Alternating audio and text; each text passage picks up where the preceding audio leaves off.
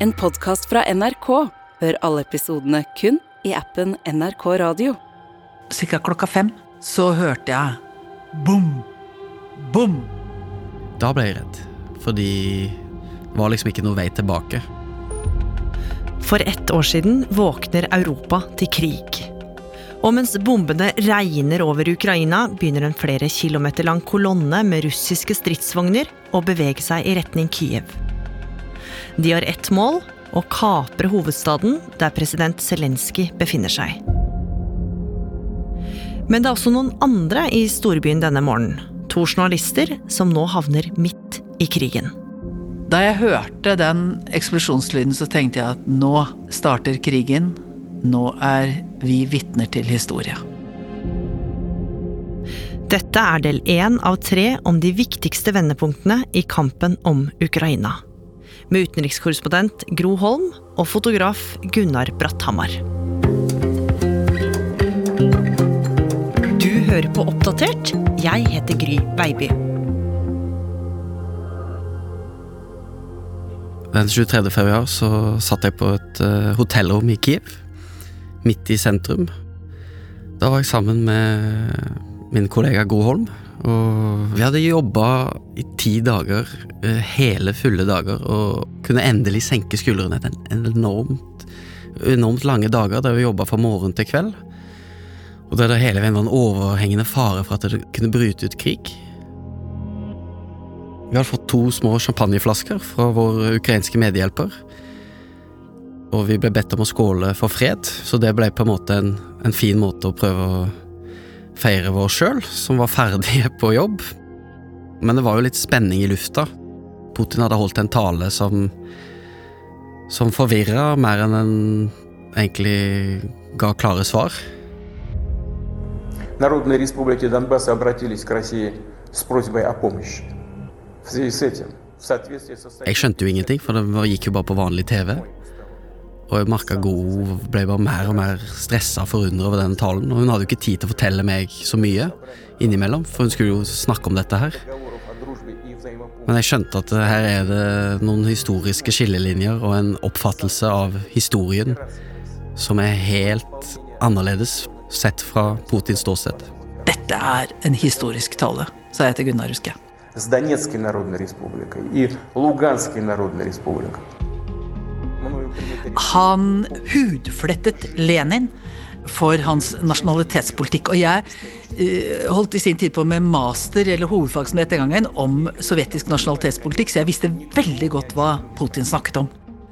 Og han hudflettet Lenin fordi Lenin hadde gitt hver av de 15 unionsrepublikkene rett til å løsrive seg fra Sovjetunionen. Det var liksom en del av kompromisset for å få de ikke ikke-russiske nasjonalitetene med på det sovjetiske prosjektet. Og nå sa altså Putin at det var dette som var selve tragedien.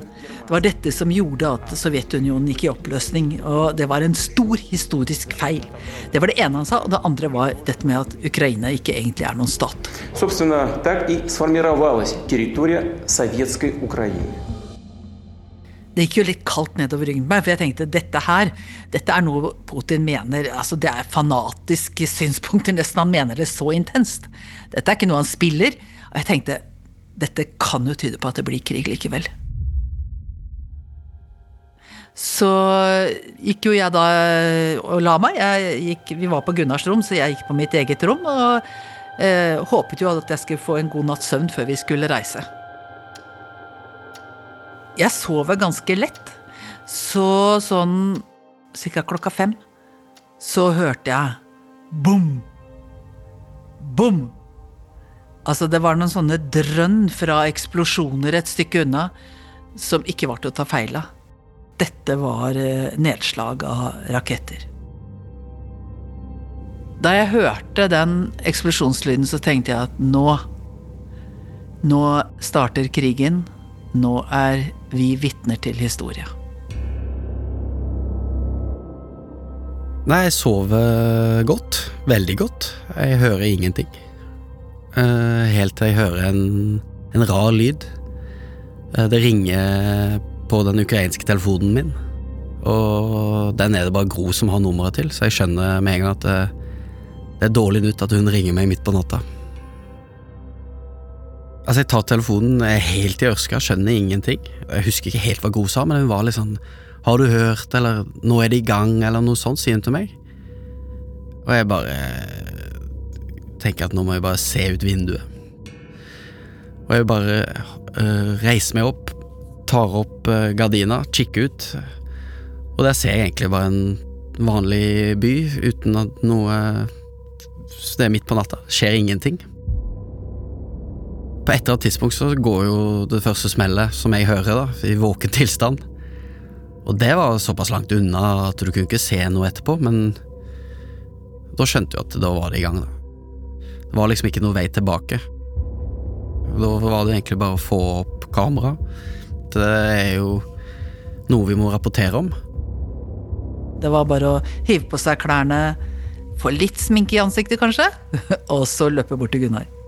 Helt til i går så var eh, veldig mange av innbyggerne her i Kiev rolig og kunne ikke tro at eh, Putin eh, og Russlands president ville komme til å angripe Ukraina utover de angrepene som de allerede har da eh, stått bak og deltatt i Donetsk og, og Luhansk. Nå er det altså i gang det folk her ikke trodde kunne skje, mange her i Kiev. Det var jo helt klart at krigen var i gang. Men bortsett fra det så kunne ikke vi gjøre noe særlig annet enn å ja, skildre det vi så, rett og slett. Når vi står der på balkongen og du faktisk ser at det skytes i utkanten av byen, og da kjenner jeg jo en sånn Da har jeg ikke tid til å være redd, men hadde jeg ikke vært opptatt av å være på jobb, så hadde jeg nok vært redd. da. Altså det, Når du står der og ser Vi så til og med noen ildkuler litt lenger utpå formiddagen bak oss. Og hørte ratatatata, ikke sant? Veldig hyppig skyting eller uh, artilleri. Så vet du ikke ordentlig hva det er. Er dette luftforsvar? Er det ukrainerne som forsvarer seg? Er det russiske angrep? Og hvor langt unna er det?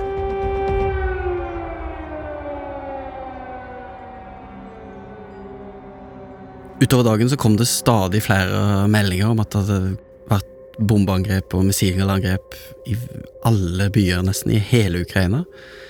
Og vi befant oss veldig i nærheten av eh, presidentpalasset, og vi skjønte jo at Zelenskyj, han var et mål for de russiske styrkene å ta ut fortest mulig, og da tenkte vi at her er det et mål, og her må vi komme oss litt lenger bort fra dette målet. Så vi går og skal til heisen der, og så møter vi en jeg tror han er nederlender, så spør han ja, hva dere tenkt å gjøre nå, da? Vi har tenkt å gjøre? Hva er det for Vi vet ikke, vi rapporterer, da. Nei, hotellet stenger. Og så Hotellet stenger, hva er dette for noe? Så kommer vi ned der, og så møter vi vakten. Så nei, de ansatte, de har uh, dratt. Vi kan ikke garantere at det er strøm, eller at uh, det får ingen hotelltjenester her. Og da begynte vi å ringe rundt for å finne alternativt hotell. Og alle de som var liksom sikkerhetsklarert, eller sikre nok, de var helt smekkfulle. Og da fant vi ut vi måtte jo bare dra litt utafor byen, finne det nærmeste. Og da fikk vi hjelp hjemmefra eh, fra reisebyrået vårt til å finne det nærmeste hotellet, som også var greit nok sikkerhetsmessig. Så vi pakker sammen og drar. Og da har det blitt mørkt. Vi setter oss i bilen og kjører ut av byen og kjører gjennom sentrum, og det er helt rolig. Det er ingen mennesker i gatene. Så kommer vi til utkanten av byen, der eh, gatene blir til motorveier, og der er det komplett kaos. Det er biler overalt, milelange køer ut av byen. Du ser bare den desperasjonen da, når alle lysene til bilene da, og alle, du ser det røde lyset på alle fordi alle er vendt mot eh, vest. Alle skal ut av byen. Det er ingen som skal den andre veien. Det er tomt på veien mens alle skal ut. Plutselig langs veien så er det en enorm gjeng. Altså det er, det er faktisk nesten 100, kanskje 150 stykker som er ute og går, og de er da afrikansk og asiatisk opprinnelse. Og det var en veldig rar gjeng å møte midt ute i, i utkanten av Kiev. Så vi spør de hvor skal dere? Hvor er dere på vei? De bare sier de vet ikke. Hvor skal dere bo? Nei, vi vet ikke, det, det er krig. Og vi har jo hørt senere at denne type grupper møtte en del rasisme på grensa til Polen, og fikk det enda vanskeligere å, å flykte da, fra krigen. Vi kommer fram til det nye hotellet vi skal bo på, og installerer oss der og gjør oss jo egentlig klar for å rapportere i Dagsrevyen på kvelden. Men aller først til Gro Holm, du er fortsatt i Kiev. og Det er altså meldt om skuddvekslinger flere steder i byen. Betyr det at russiske styrker nå er inne i hovedstaden? Ja, President Volodymyr Zelenskyj sier at det er det. Det sa han i en tale tidligere i dag. Jeg er nå like vest for sentrum av Kiev, men ser ikke eh, russiske styrker. Derimot så hører jeg drønnene, hører smellene. Vi har også hørt skuddveksling, så vidt det er. Det viste seg jo når det ble natt, at det hotellet vi eh, bodde på, det var riktignok eh, ikke midt i på en måte målskiva, fordi det var ikke noen institusjoner, ukrainske institusjoner rett ved som kunne være mål. Men eh, det pågikk jo kamper eh, både nord for oss og sør for oss. I Vasilkiv lå det en flyplass i sør, i Hostomel i nord, hvor altså russerne prøvde å sette inn fallskjermsoldater, med det formålet selvfølgelig å ta Kiev. Vi skjønte jo nå at vi befant oss vest for byen der hvor det var to flyplasser, som ville bli brukt for at russerne ville prøve å ta den ukrainske hovedstaden. Vi så himmelen bli rød, både i sør og nord. Vi hørte nedslagene av missiler. Det var klart at dette var ikke det sikreste stedet i verden allikevel, og det ble også klart at Kiev var målet. Altså, det går litt rykter på hotellet. Det er særlig én gjest som sier han har sett et artilleribatteri og han er veldig sånn påståelig at dette her er russisk, og det mente han var én kilometer fra hotellet. For han hadde prøvd å dra, men kom tilbake til hotellet, så det er litt sånn uggen stemning. Det begynner faktisk noen gatekamper syv kilometer fra hotellet i nærheten av en zoologisk hage. Altså, krigen kom bare nærmere og nærmere, selv om vi egentlig hadde dratt bort fra presidentpalasset og sentrum, så var det jo i utkanten av Kiev det virkelige slaget sto. Eh, I en time, i vel en time så har jeg hørt kraftige eh, kamper rett sør for meg her, ca. 20 km i luftlinje. Og eh, vi har hørt fly komme, og så etter en kort stund bombenedslag. Så, vi, så vi skjønner jo at eh, når som helst så kan de ukrainske styrkene tape kampen nord i byen. Denne kolonna med kilometervis lange kolonner kan brase inn i byen når som helst. Teoretisk sett. Så det å være sperra inne på et hotellrom fordi det er russiske soldater i gatene, det er heller ikke noe du har lyst til, da. Så vi bestemmer oss for å dra før det er for seint. Før vi drar, så bestemmer vi oss for å ha en siste live-rapport. Været var fint, det var sol. Jeg sto med skuddsikker vest. Det gjorde jeg fordi at eh, barna mine hadde begynt å klage over at og en del seere hadde begynt å klage over at jeg ikke brukte skuddsikker vest og hjelm når så mange andre gjorde det. Så hadde jeg tatt med skuddsikker vest. Og så hører jeg psh, sånn sus over hodet på meg. Ser opp, og der ser vi altså et innkommende missil. Som sannsynligvis kom fra Svartehavsflåten og inn og var på vei nordover. Da ble jeg redd, fordi dette er ikke normalt å skal stå på en balkong, og så går det en missil rett over hodet ditt. Det er ikke normalt. Og da ble det jo egentlig veldig tydelig at den avgjørelsen vi hadde tatt, den var rett. Her var det ikke trygt å være. Så vi setter oss i bilen, og så drar vi. Når vi endelig hadde besluttet oss for å reise, så hadde vi på en måte også valgt eh, den ruta som gikk mest rett sør. Vi hadde på forhånd tegnet to ruter, en som gikk sør-vest og en som gikk rett sør, med sånn rosa tusj på papirkartet mitt, og så eh, valgte vi den sørover. Nå forlater eh, NRK med fotograf Gunnar Bratthammer og jeg Kiev. Det er en tragedie, det som skjer. Vi hadde jo håpet, mange av oss, i det lengste at eh, Putin ville besinne seg og, og han ville la være å gå til angrep nå. Blir det et helt nytt Europa? For det jeg føler meg ganske overbevist om, er at ukrainerne kommer til å fortsette motstanden eh, mot de russiske forsøkene på okkupasjon. Da drar vi. Det er rart. Vi har liksom akkurat kommet ut av Kiev. Siste liksom, checkpointen i byen, fordi hele byen har jo fått masse veisperringer og checkpoints siden sist vi kjørte rundt i den. Plutselig så hører jeg en enormt høy lyd, og jeg kikker ut vinduet, for jeg har ikke lukket igjen vinduet etter den checkpointen, så jeg hører veldig godt. Og ser ut, og da svinger det et jagerfly lavt og i en bue rundt bilen. Og det, det, det var ikke mer enn 100 meter over bakken. Og det første jeg gjør, er bare å trykke klampen i bånn, og bare bånn gass. Vi snirkler oss gjennom landet, og langs hele veien så, og hver landsby så har innbyggerne mobilisert. Noen har begynt å brenne bål for å lage mat.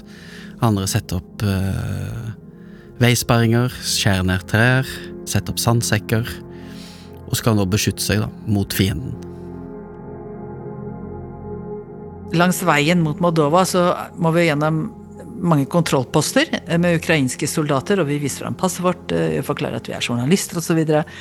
Folk er veldig vennlige. eh, Og så begynner vi begynner å nærme oss grensen, så ser vi at vi er jo ikke alene. Altså, det begynner å tetne seg. eh, Og de siste kilometerne så er det jo tett i tett med biler, og det ender jo opp med å stå 15 timer i kø. Mens vi satt der i de 15 timene vi satt uh, ved grensa til Moldova, så måtte jo en av oss kjøre hele tiden, for vi måtte alltid lykke noen meter framover. Så enten kjørte Gunnar eller jeg. Og da Gunnar kjørte, så gikk jeg ut for å snakke med folk, og møtte jo da en del av disse familiene, ikke sant. Helt hjerteskjærende. Altså med Man hadde en familie med to bitte små barn, og far og mor, og og de pakket liksom sånn frenetisk om, og de pakket om og pakket om. og sånn du så at de nesten ikke fikk med seg hva de gjorde selv, og det var jo fordi at de skulle jo ta farvel. Altså, de voksne skulle jo ta farvel. Og det er klart, moren visste ikke om barna og hun noen gang fikk se mannen og faren igjen. De skulle rett og slett kanskje ta farvel for alltid. Det var jo helt hjerteskjærende. Jeg, jeg får tårer i øynene når jeg snakker om det nå. Når du vet at du kanskje det er veldig sannsynlig at mannen din aldri At du aldri får se han i live lenger.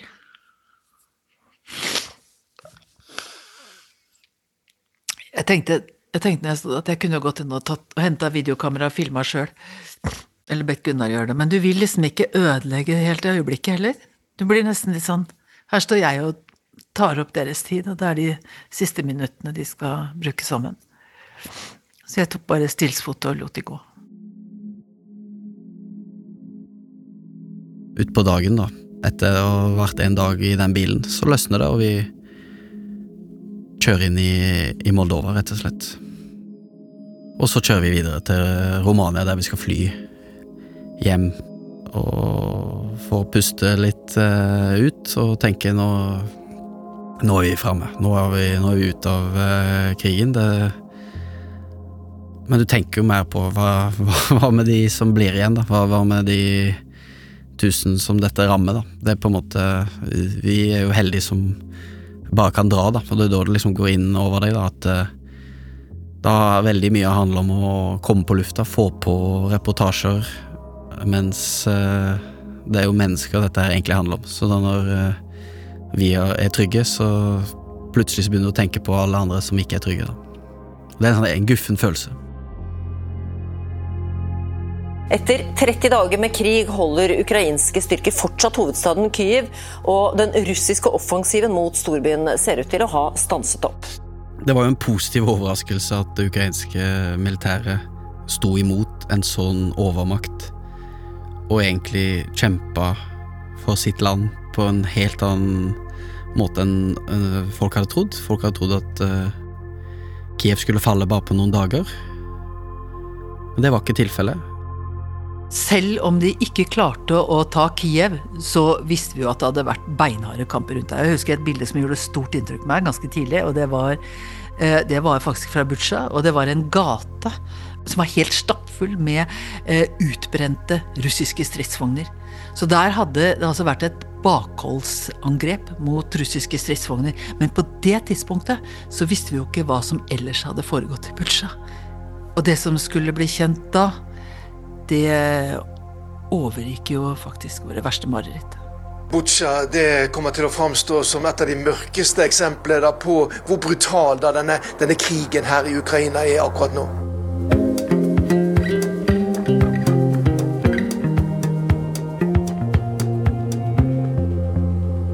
Dette var første episode om de viktigste vendepunktene i krigen i Ukraina. Andre episode kommer fredag 24. februar og handler om døden i Butsja. Oppdatert er en podkast fra NRK Nyheter, og denne episoden den er laga av oss. Produsent Ina Swann. Lyddesign Andreas Berge. Og jeg heter Gry Veiby. Programredaktør er Knut Magnus Berge. Har du tips eller innspill, så må du gjerne sende oss en e-post. Adressen er oppdatert krøllalfa nrk.no. En podkast fra NRK P3. Kladden har daua. Jeg har dødsangst, og mitt navn er Martin Lepperød. En ny humorpodkast om døden. Ja, Martin Lepperød her, som kan fortelle deg at jeg har dødsangst, og at jeg da i, i den anledning har laget en ny humorpodkast om døden. Så hvis du kjenner litt på at sånn, å, jeg også har litt dødsangst, da er dette podkasten for deg. Her skal vi gjøre døden om til noe hyggelig, morsomt og artig å prate om, istedenfor at det skal være så tungt og trist og skummelt. Kladden har daua. Hør alle episodene kun i appen NRK Radio.